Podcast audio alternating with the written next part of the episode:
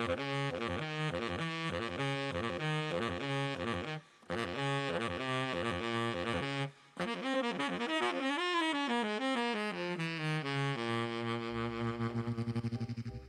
yeah.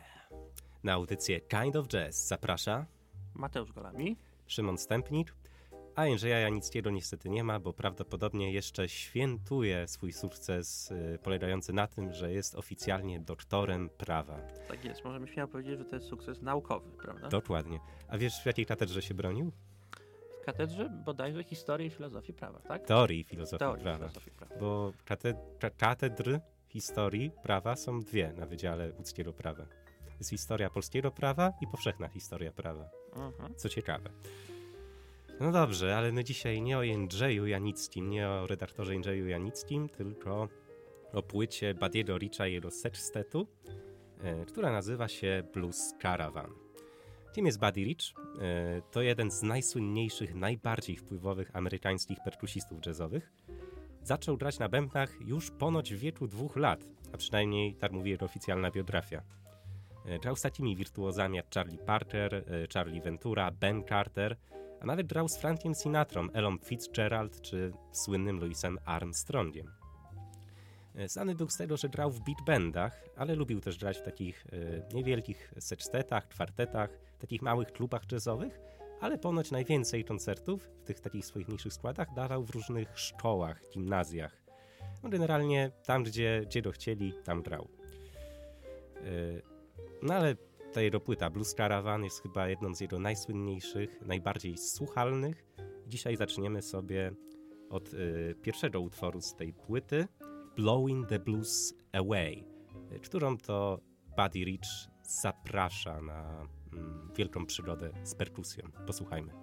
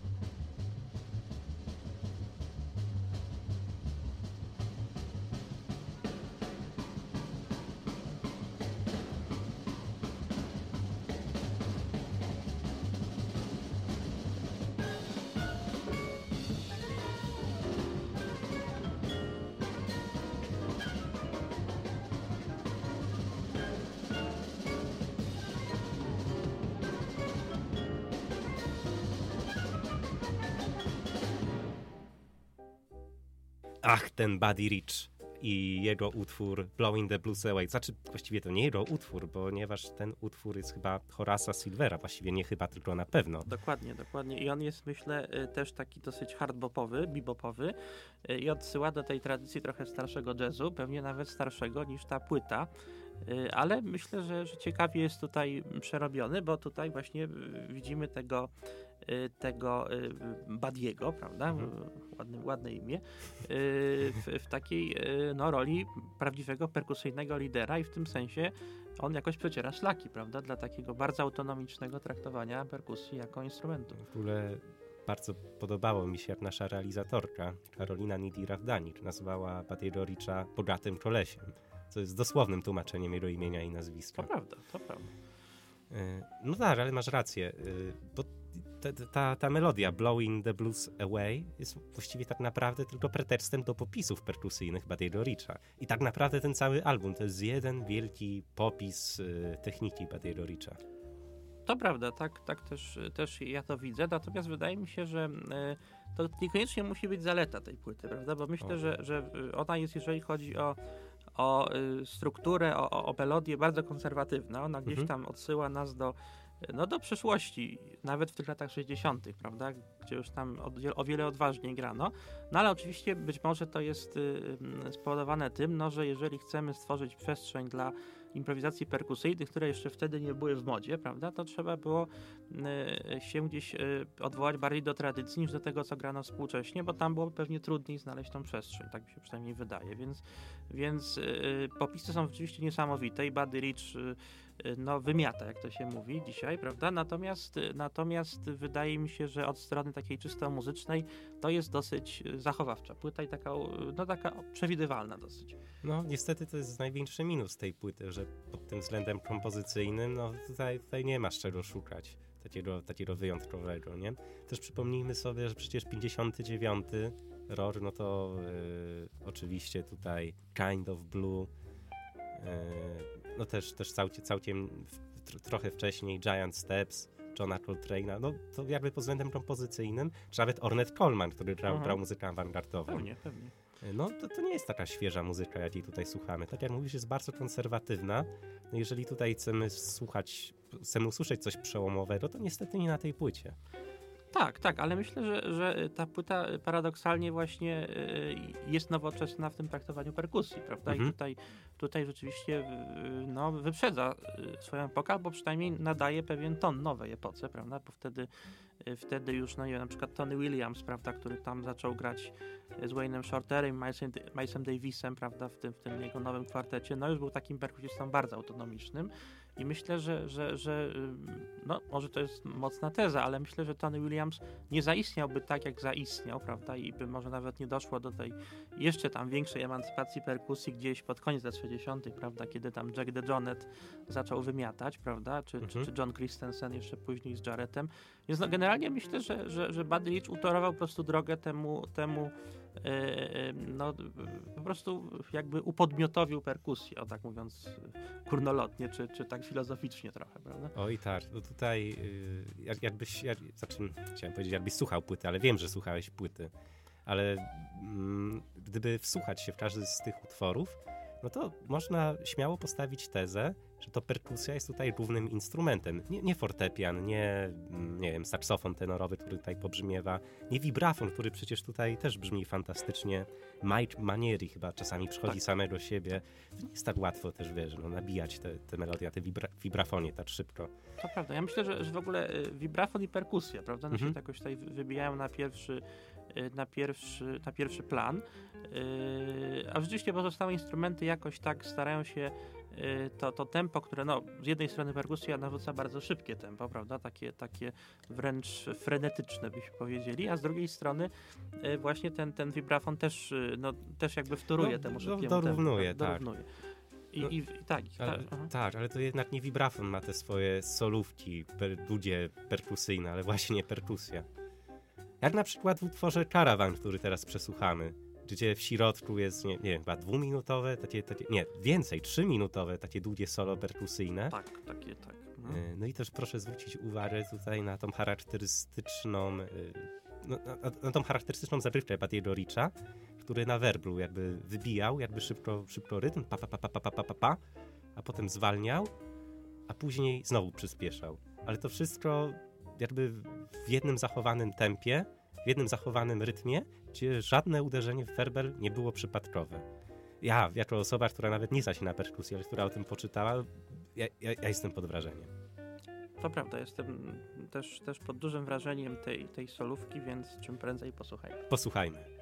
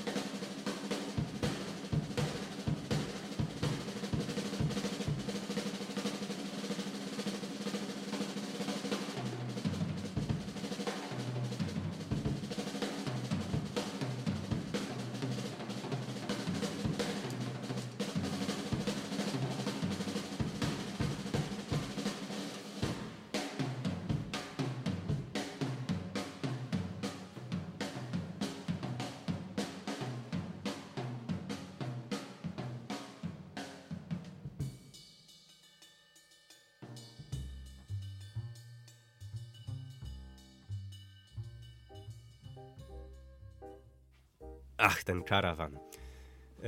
Yy, rozmawialiśmy w ogóle sobie tak w kuluarach jeszcze z Jędrzejem na naszej grupie facebookowej, no to mówię, no tak za bardzo nie mówiliśmy o perkusistach w naszej audycji, a Jędrzej mówi, i ty też mówisz, no, że co ty gadasz, nie mówiliśmy o Artu Blakey, o Polu Motianie.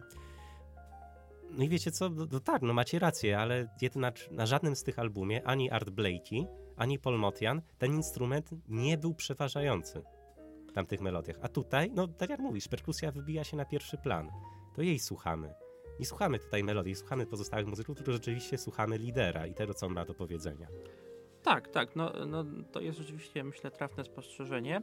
Yy, tylko, że, że ja jakby ciągle to, to, podkreślam, że moim zdaniem to nie jest e, też zaleta tej płyty, bo, bo e, co prawda, no rzeczywiście perkusja widocznie musiała sobie to miejsce może nawet trochę brutalnie, prawda, wypracować, że tak trochę jakby y, y, zagarnąć przestrzeń, pokazać, że ja też, perkusja też potrafi, mhm. perkusista też potrafi, no i potem już to poszło, prawda, ale myślę, że, że, że te późniejsze właśnie y, takie eksperymenty perkusyjne, które właśnie, no jakby zachowywały jednak tą klasycznie rozumianą rolę perkusji jako instrumentu, który się tak bardzo przed szereg nie wybija, ale z drugiej strony dla uważnego słuchacza no, ta perkusja jest zawsze widoczna, prawda? I sobie od razu przypominam, nie wiem, na przykład Jaya Barona, prawda, mhm. w, w, w, kwartecie z, z Frizelem, czy, czy w trio z Frizelem, czy na przykład właśnie Jacka DeJohneta na, na tych płytach Milesa Davisa, czy, czy nie tylko potem na płytach ICM-owskich, gdzie, gdzie tak po prostu właśnie wiecznie, tak, tak bardzo przestrzennie grał na tej perkusji,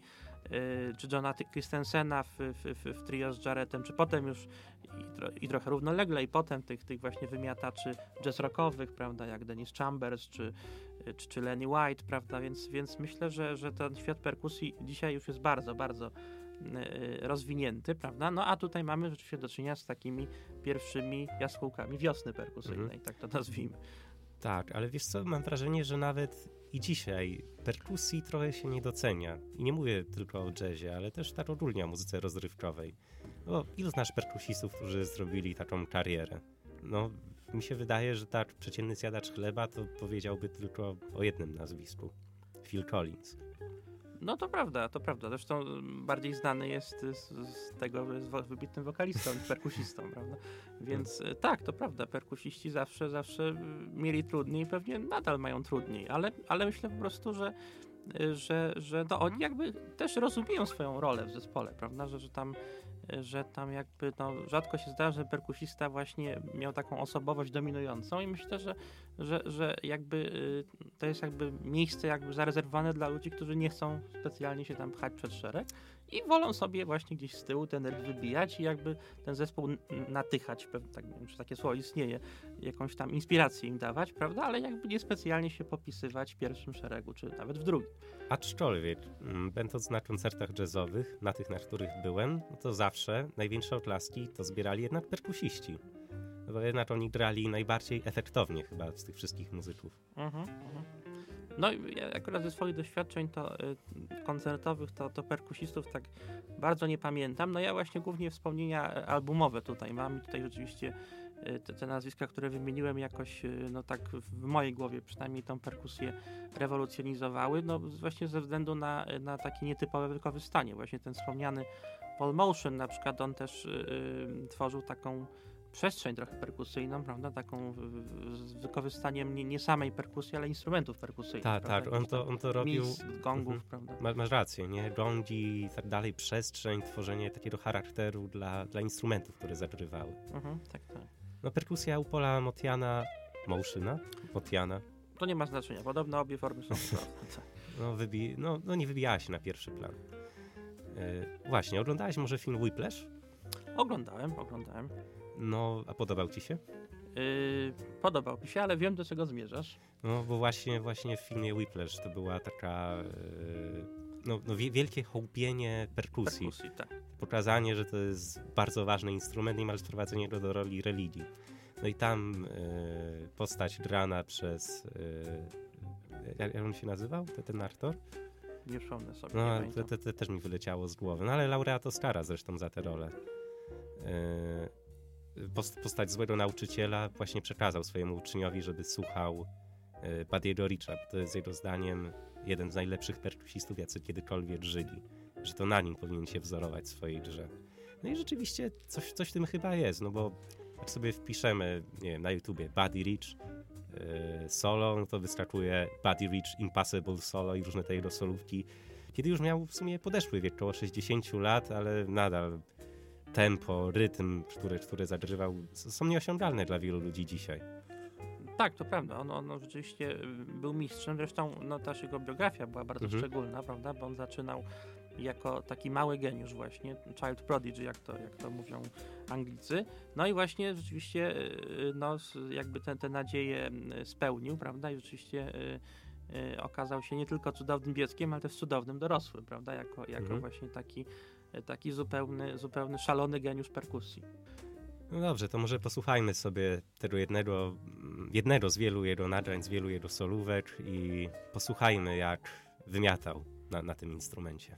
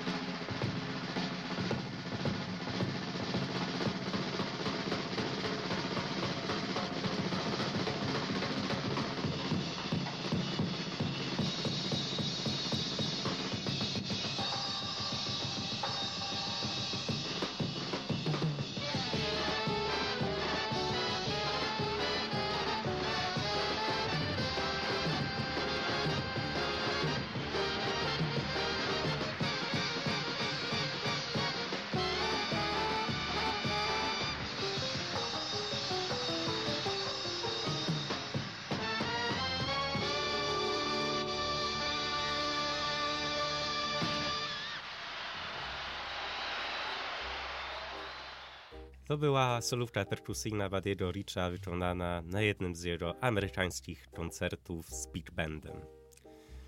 Mateusz, czy uważasz, że Buddy Rich y, jest takim perkusistą jedynym w swoim rodzaju, czy jednak ta jego legenda mm, no, no, no jest trochę przesadzona, że, że dziś mamy wielu podobnych, a nawet być może i lepszych perkusistów? To znaczy dzisiaj pewnie tak. Myślę, że dzisiaj tak, natomiast y, w tamtych czasach właśnie nie, prawda? I myślę, że, że to, to, to powoduje, że, że można go uznać za prekursora i w związku z tym y, no, ma swoje miejsce w historii, prawda? No a to, że inni podjęli pałeczkę, prawda? No, nawet to, to perkusyjnie jakoś zabrzmiało, prawda? Mhm. Tam pałeczki są ważne, więc, y, więc rzeczywiście no, y, w tej chwili mamy już wymiataczy, wydaje się nawet lepszych, prawda? Od Buddy'ego Richa. No, jak sobie pomyślę o Denisie Chambersie na przykład, mhm. który, który no, też właśnie na YouTubie są takie filmiki, gdzie można popatrzeć na jego popisy, takie kilkuminutowe właśnie, czy tam z Carlosem Santaną, czy z Johnem Scofieldem, to to są rzeczywiście, czy z Johnem McLaughlinem, to to są rzeczywiście solówki, wydaje się, jeszcze lepsze od Buddy'ego mhm. Richa, prawda? Czy, czy właśnie y, John Christensen, czy Jack DeJohnette, no to, to, to oni chyba przebili go, myślę. Jeszcze to trzeba powiedzieć, a może i nie trzeba, ale Buddy Rich w taki specyficzny sposób trzymał pałeczkę w, lewej, w, le, w lewej dłoni. Nie wiem, czy wiesz, co mam na myśli.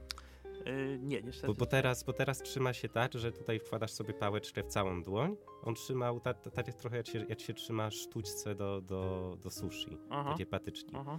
No i jakby w ten sposób y, o wiele trudniej jest wydobyć taką szybkość, którą, która jest grana. No dziś w ten sposób się nie trzyma znacznie łatwiej osiągnąć taką, takie bardzo szybkie granie, a tutaj chyba jednak Buddy Rich y, no, no osiągał coś, coś fenomenalnego i niespotykanego, stosując taką technikę. To prawda, to prawda. Rzeczywiście ja, ja na to nie, nie zwróciłem uwagi, ale yy, no... Yy, znaczy, się, na, na ja, ja, ja, zwróciłem no. dlatego, że właśnie tak ba, bardzo dużo oglądałem Whiplasha ze trzy razy. Aha, aha. To, to też właśnie nauczyciel zwracał na to uwagę, że, ja, że jak ty trzymasz pałeczkę, nie? Że, że, że, tak już się nie trzyma, że tak się trzymało w latach 60. Mhm, mhm. No tak, ale no jak pamiętam Whiplasha, to tam no to był taki film, który z jednej strony pokazał Y, geniusz tego perkusisty na pewno, ale z drugiej strony też y, straszliwą drogę, prawda, którą musiał przebyć, żeby do tej perfekcji y, dojść, więc, więc tam no, było pytanie o tą cenę, prawda, tego, tego, tego powiedzmy geniuszu, czy, czy jakiegoś tam wielkiej, wielkiej wprawy w, w graniu na perkusji, więc myślę, że, że ten film nawet gdzieś tam ten wątek Buddy'ego Richa, czy, czy tego jak się gra, gdzieś, przynajmniej moim zdaniem, szedł na drugi plan, a właśnie ważniejszy był ten wątek tych poświęceń, prawda, mhm. które, które tam się okazały, no rzeczywiście chyba za duże dla tego bohatera. No tak, bo tak jak mówisz, nie oszukujmy się, to, to, to nie jest album melodii, tylko to jest album popisów technicznych. To jest jedno wielkie solo i popisywanie się swoją osobą Padiego. No ale żeby y, nie było, to mamy też tutaj, no mamy dwa takie utwory, które są nieco, nieco mm, wolniejsze, mm, perkusja schodzi na dalszy plan, ale one są raczej takimi przerywnikami, co nie? No i może posłuchajmy sobie jednego z nich i to będzie utwór, już ci mówię, y, Late Date.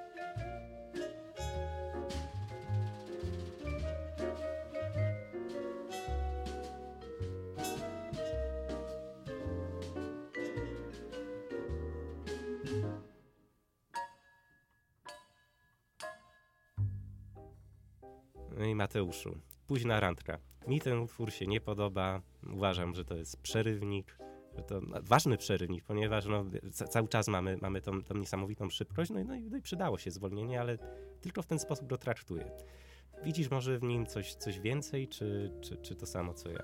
Yy, no też myślę, że to jest, że to jest utwór trochę spokojniejszy, prawda? Mhm. Taki bardziej lounge'owy, byśmy dzisiaj powiedzieli, tym, tym mod, modnym językiem, ale wtedy no, był taki utwór e, pewnie gdzieś tam e, grany w takim klubie w właśnie wolniejszym tempie, prawda, gdzie ludzie mogli odpocząć od tej, tej takiej żywiołowej akcji koncertowej, tak to nazwijmy.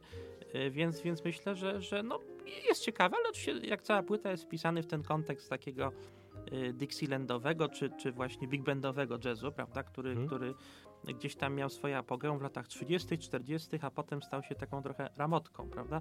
A tutaj, tutaj Buddy Leach y, trochę nam tą, ten odgrzewa powiedzmy ten, ten kotlet stary, ale właśnie w tym, w tym jak już powiedzieliśmy, y, nowoczesnym wydaniu perkusyjnym, więc, więc y, no, jak mówiłam, ambiwalentny stosunek do tej płyty, bo z jednej strony podziwiam Buddy'ego Richa, jego umiejętności perkusyjne, a z drugiej strony mam trochę żal, że że one nie zaistniały w bardziej nowoczesnej formie, wydaniu. Ja mam dokładnie takie same spostrzeżenia jak ty i powiem szczerze, że żałuję, że nie ma z nami Jędrka, bo, bo Jędrek powiedział, cudowna płyta, uwielbiam ją. No jestem ciekaw, czy, czy on widzi w niej coś więcej Jakby niż to my. uzasadnił, właśnie, tak. też jestem ciekaw. No, tak jak mówisz, no, to nie jest idealna płyta. To jest płyta, która ma swoje wady i to dokładnie tak, jak je wspomniałeś ale z drugiej strony też nie miała być niczym więcej, jak tylko popisem możliwości technicznych muzyków tam grających.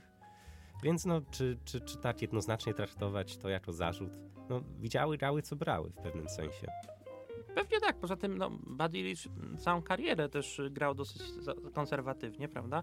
Chociaż ja tam dotarłem do jego płyt z lat 70., które już były takie bardziej Y, bardziej właśnie, y, no takie big bandowo nowoczesne powiedzmy, mhm. brzmiały trochę jak taki funk właśnie, czy disco funk z lat 70., ale mimo wszystko nawet te płyty lat 70. były i tak jakby trochę cofnięte czasowo w stosunku do tego, co, co wtedy było modne w jazzie, więc, więc no to jest taki człowiek właśnie, y, który no, konsekwentnie pewnie podążał Y, nawet na pewno moim zdaniem podążał drogą takiego konserwatysty jazzowego, y, jeżeli chodzi o melodię, ale właśnie stawiał na, na te popisy perkusyjne jakby no, całe życie lubił się popisywać, to niewątpliwie nie można mu tego odjąć, że, że był człowiekiem, który lubił błyszczeć jako perkusista, prawda?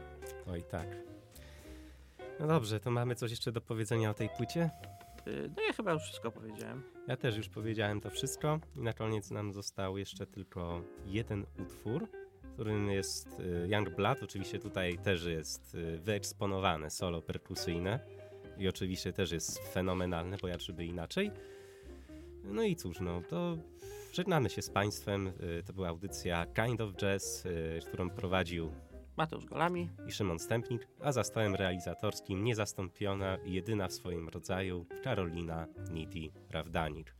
Young Blood, Buddy Rich z płyty Caravan, plus Caravan, przepraszam. No i do usłyszenia. Do usłyszenia, dziękujemy.